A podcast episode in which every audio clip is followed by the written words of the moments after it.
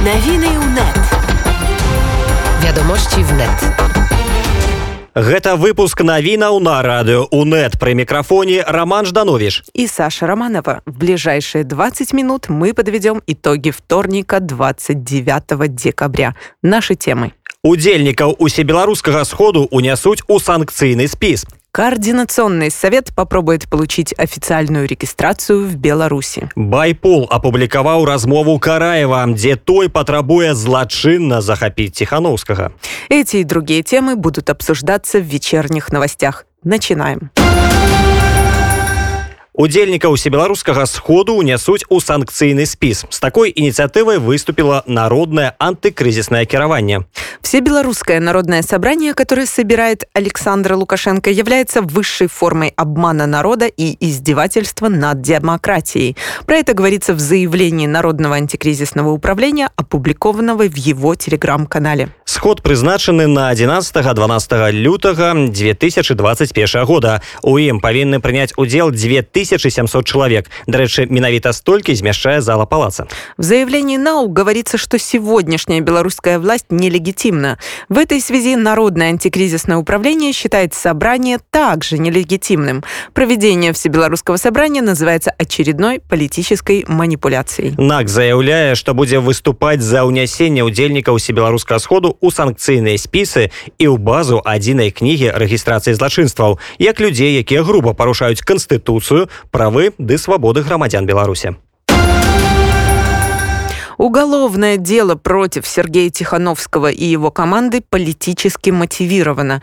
Про это утверждает инициатива «Байпол» и приводит ряд доказательств. Паводле звестак аўтараў расследавання распрацоўка ціханаўскага супрацоўнікамі беларускіх праваахоўных органаў вялася задоўга да затрымання блогера.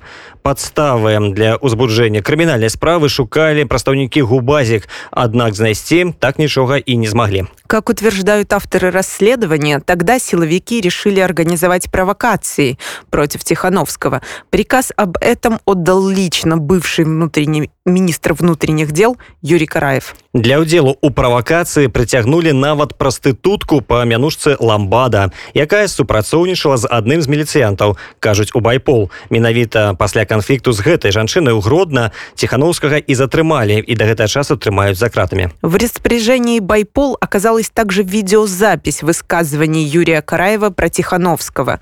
Бывший руководитель МВД называет блогера быдлаганом, который хотел раскачать страну, ездил по проблемным местам і критиковал власть цитата Ён гэтая пачвара ў рассіі бачыў шмат разоў горш за ўсе гэтыя пытанні, але там ён свой паганы рот не раззіваў, мы з мусарамі разбярэмся. А тут прыехаў на самую ціхую ніву, на самае пакорлівае насельніцтва, на самых лепшых міліцыянтаў у свеце. І пачаў мусары там, мы разгайдаем гэтую ўладу, бачачы, што яму няма процідзеяння. Добра, што яго пляснули, шкадую толькі што позна. Конец цитаты. Бывший министр также признается, что обратить внимание на Тихановского ему говорили еще в октябре, и что милиция работала над этим вопросом вместе с компетентными органами. Цитата. А и крычыць на ўвесь свет, па мяжы, па бязмежжы, такая пачвара небяспечней за ўсіх. Ён больш небяспечны за ўсіх гэтых бабарыкаў, ён разбуральнік дзяржавы. Няма на яго артыкула, трэба прыдумаць і пасадзіць яго надоўга. Хай там сядзіць, хай сдохне там. Конец цитаты. Напомним, что Караев занимал должность руководителя МВД до 29 октября. В этот день чиновника освободили от министерской должности и отправили работать инспектором по Гродненской области. Сёння ў судзе наваградскага района вынесены прысуд палітычным зняволеным Владимиру Гароху ды Дзянісу Кірушчанку.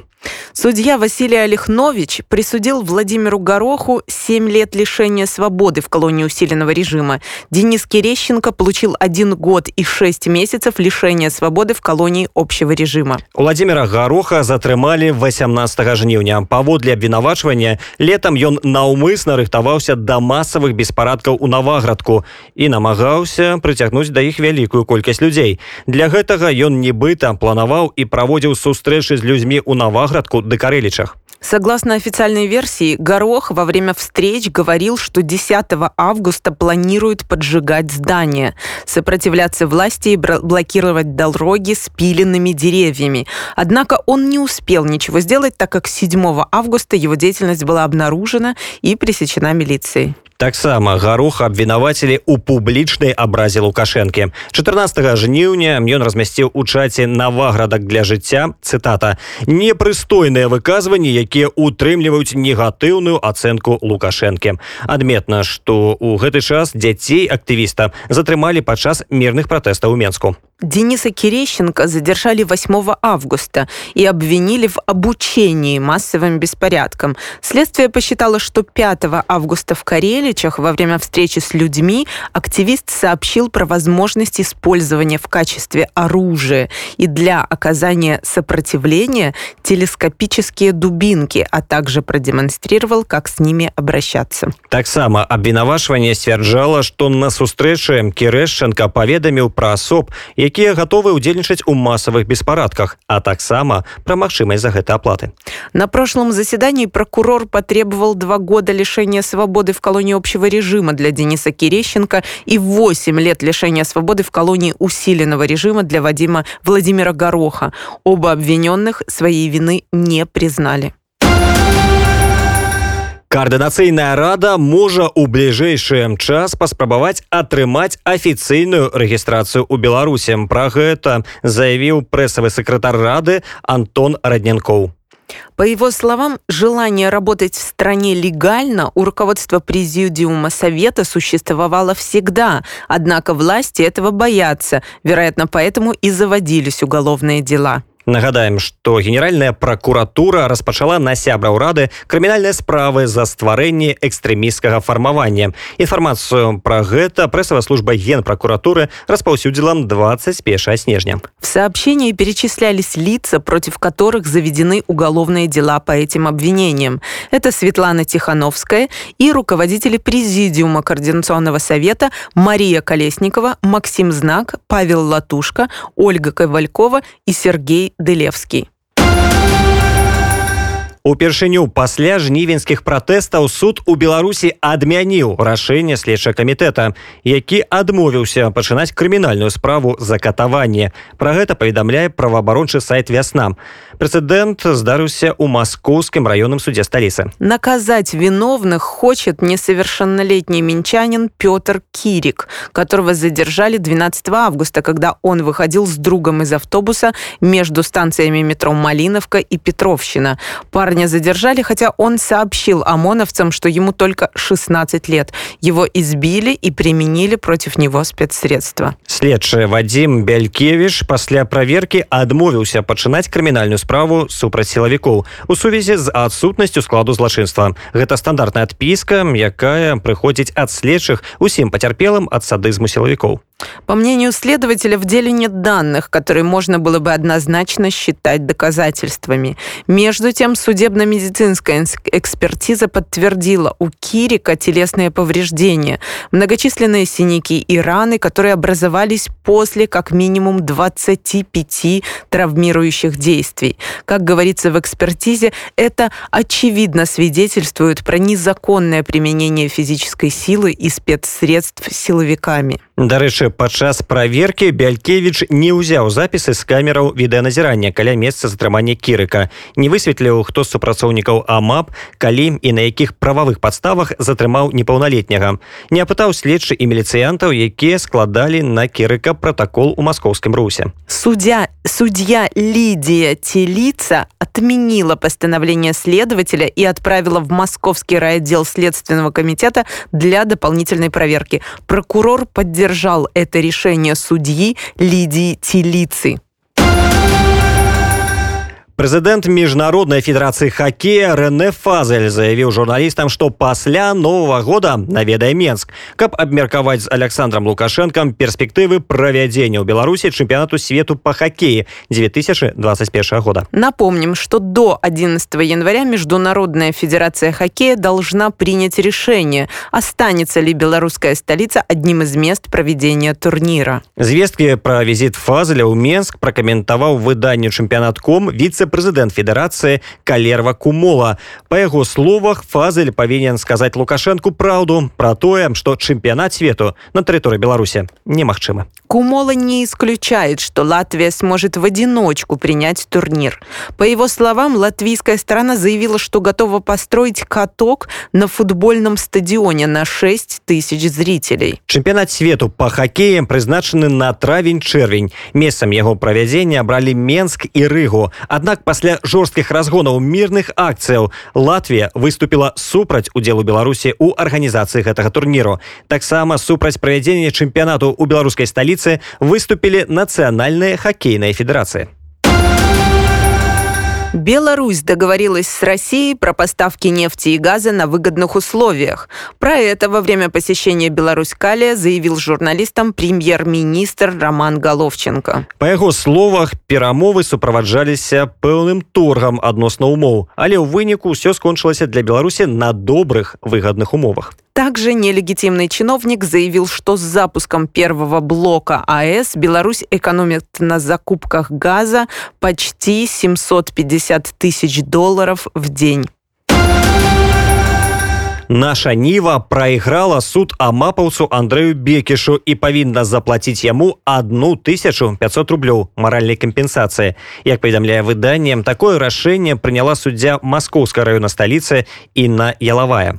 Напомним, что в июле 2020-го блогер Степан Путила опубликовал в своем телеграм-канале видео, на котором Бейкиш в гражданской одежде подскакивает к одному из задержанных протестующих со спины и несколько раз бьет его. Наша Нива опубликовала статью, в котором одноклассники ОМОНовца рассказывают про его детство. Бекеш выставіў прэтэнзіі да некалькіх фразаў у гэтым артыкуле. Напрыклад, што ён з вялікім імпэтам збіваў пратэстоўцаў. Таксама міліцыян заявіў, што ніхто з аднакласнікаў не мог казаць пра яго наступнае цытата.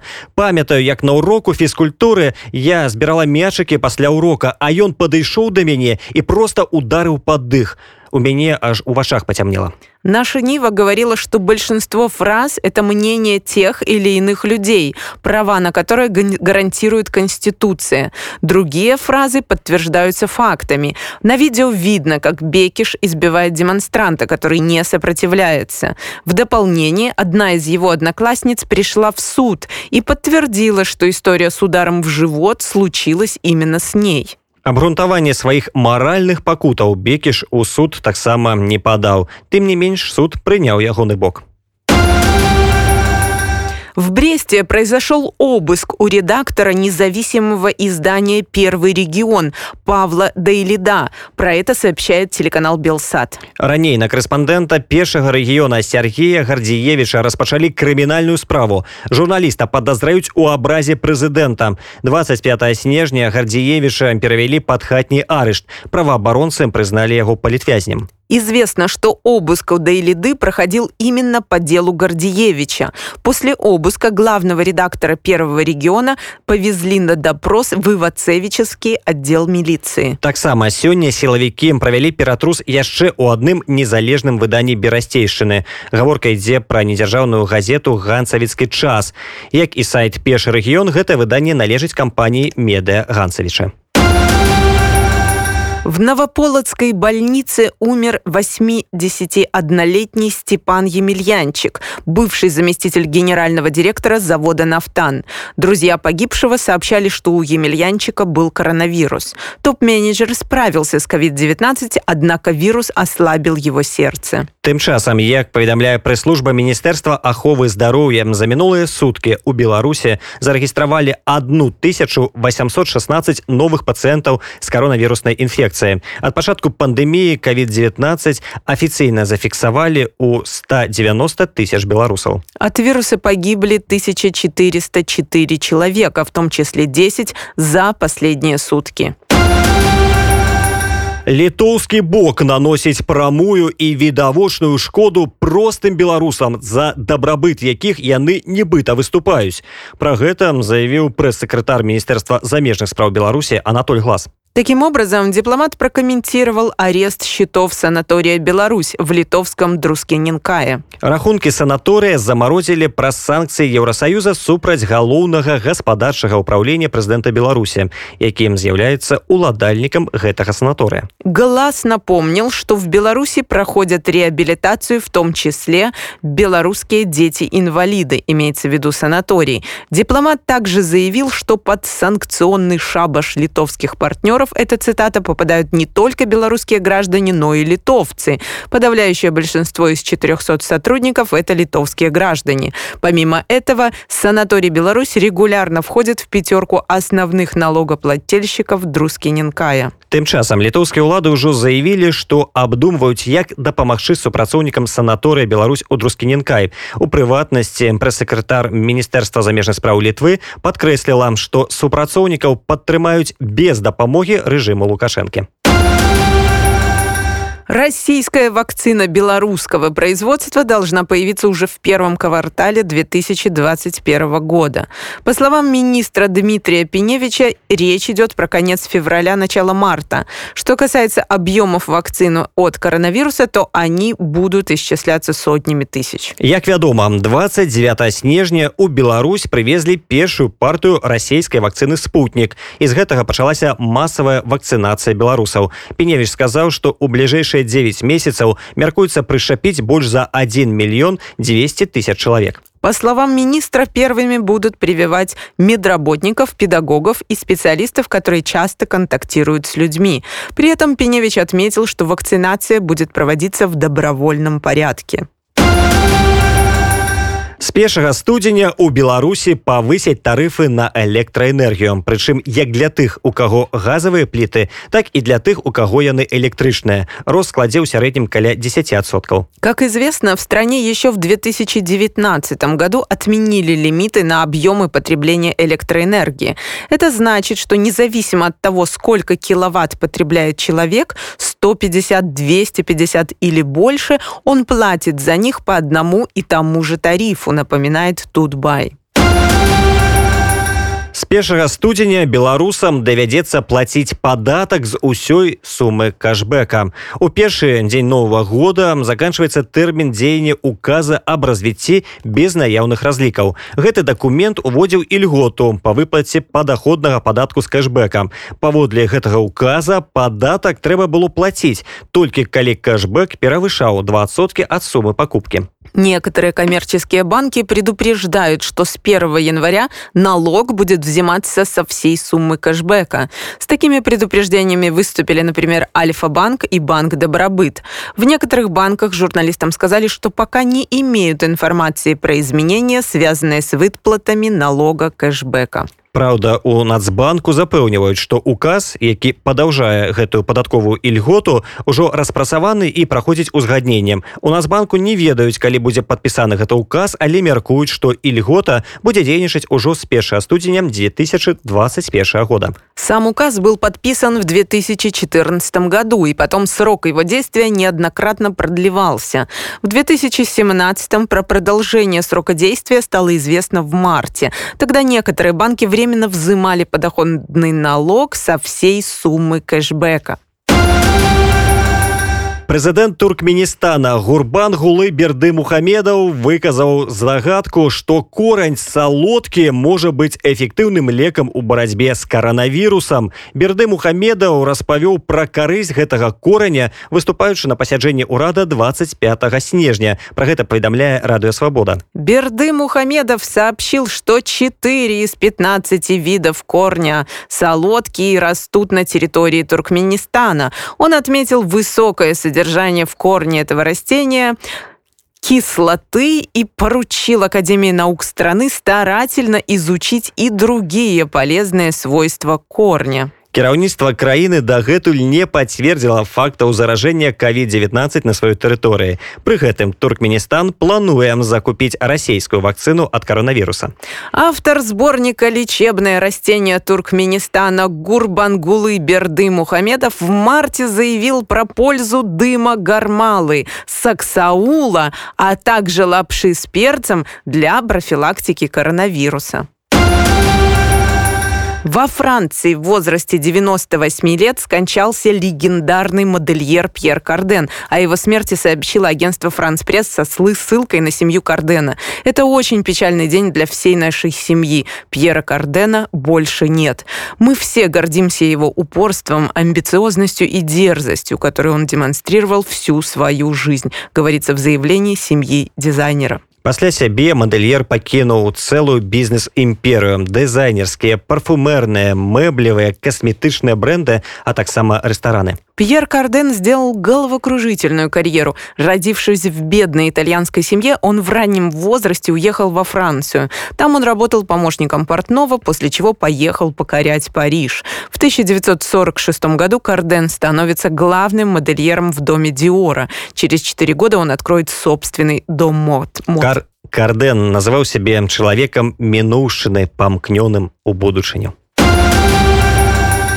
Близ столицы Хорватии произошло землетрясение магнитудой 6,3 балла. Об этом во вторник сообщил Европейско-Средиземноморский сейсмологический центр. В сообщении агентства говорится, что это самое сильное землетрясение в Хорватии в этом году. Паводле дадзеных мясцовых СМИ землятрус отбыўся ў раёне горада Пятрыня. У выніку у горадзе разбураныя некаторыя будынкі. Падземныя штуршкі таксама адчуваліся ў Вене, Белграде і Сараеве Сараеве. Ранее в марте этого года сообщалось о землетрясении магнитудой 5,3 балла в Загребе. Тогда в сети появились фотографии сильно поврежденных зданий и автомобилей, раздавленных обломками домов. Еўрапейскі саюз заклікаў кітайскія ўлады неадкладна вызваліць групу жыхароў Гонконга захопленых у моры. Яны паставіліся перад судом у КНР без выканання элементарных правоў чалавека.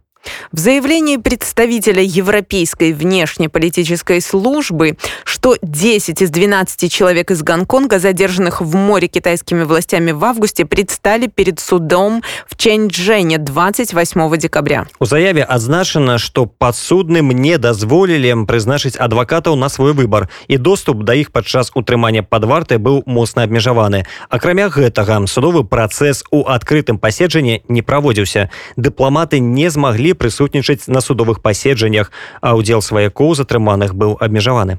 ЕС призвал Китай гарантировать этим людям процессуальную справедливость и соблюдение законности. Он призвал немедленно освободить этих 12 человек и позволить им как можно скорее вернуться в Гонконг.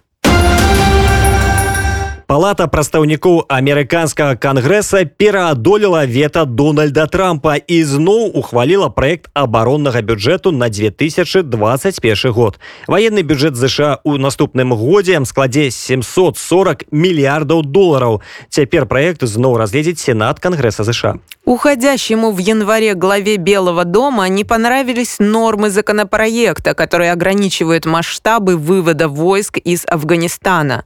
Также законопроект предписывает переименовать американские базы, носящие имена лидеров Южных Штатов времен гражданской войны. Оборонный бюджет включил в себя в том числе санкции против строительства газопровода «Северный поток-2»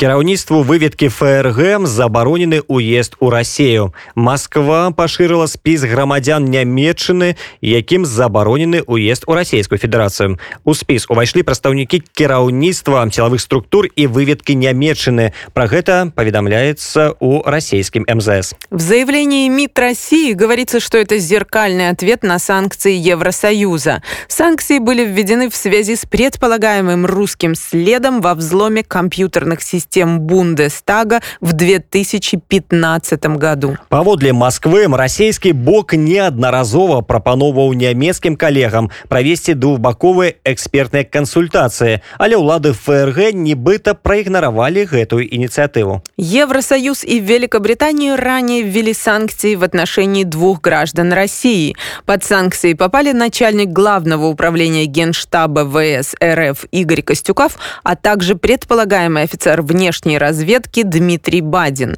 По заявлениям официальных лиц ЕС, эти люди несут ответственность за кибератаку на Бундестаг в 2015 -м. Іспанія пред'явіла ультыматум Великабрытаніі ў сувязі з брэксітам. Калі да новага года не атрымаецца заключыць пагадненне аб гандлі і мяжы, то з 1 студзеня мяжа з гібралтарам будзе разглядацца як звычайная мяжа Евросоюза. Любое упоминание Гибралтара было исключено из Временного соглашения между Евросоюзом и Великобританией, достигнутого 24 декабря.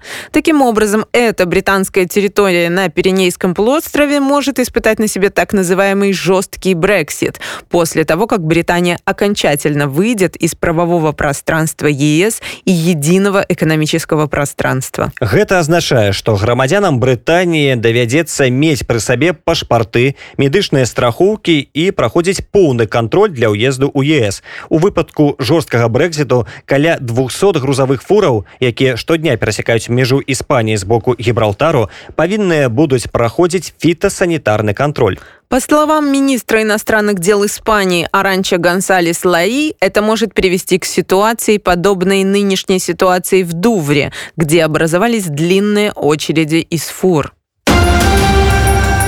яшчэ одна вакцына ад коронавірусу выйшла на фінальную стадыю выпрабавання ў злучаных штатах Амерыкі кампанія новавакс перайшла да фінальнай стадыі выпрабаванню сваёй вакцыны ад коронавірусу ў ЗША. Про гэта паведаміла газета Financial Times у панядзелак. Компания получила на исследование вакцины до 1,6 миллиардов в рамках программы администрации американского президента Трампа «Операция сверхсветовая скорость». Она планирует привлечь к участию в испытаниях до 30 тысяч участников.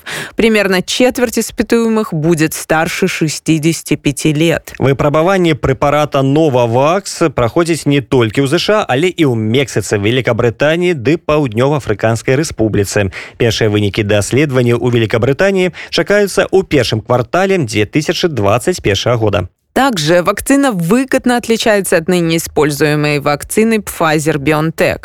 Если немецко-американскую вакцину приходится хранить в температуре минус 70, то вакцина Novavax может храниться при температуре от 2 до 8 градусов по Цельсию. Паводле галоўнага інфекцыяніста ЗША для того, каб вакцынаваць усё насельніцтва краіны, адной вакцыны недастаткова. Спатрэбяцца вакцыны больш чым ад дзвюх кампаній. На гэтым вечаром чарговы выпуск навінаў на рады унет завяршаецца у студыі для вас по-ранейшаму працуюць роман жданович і саша романова навіны унет вядомасці в нет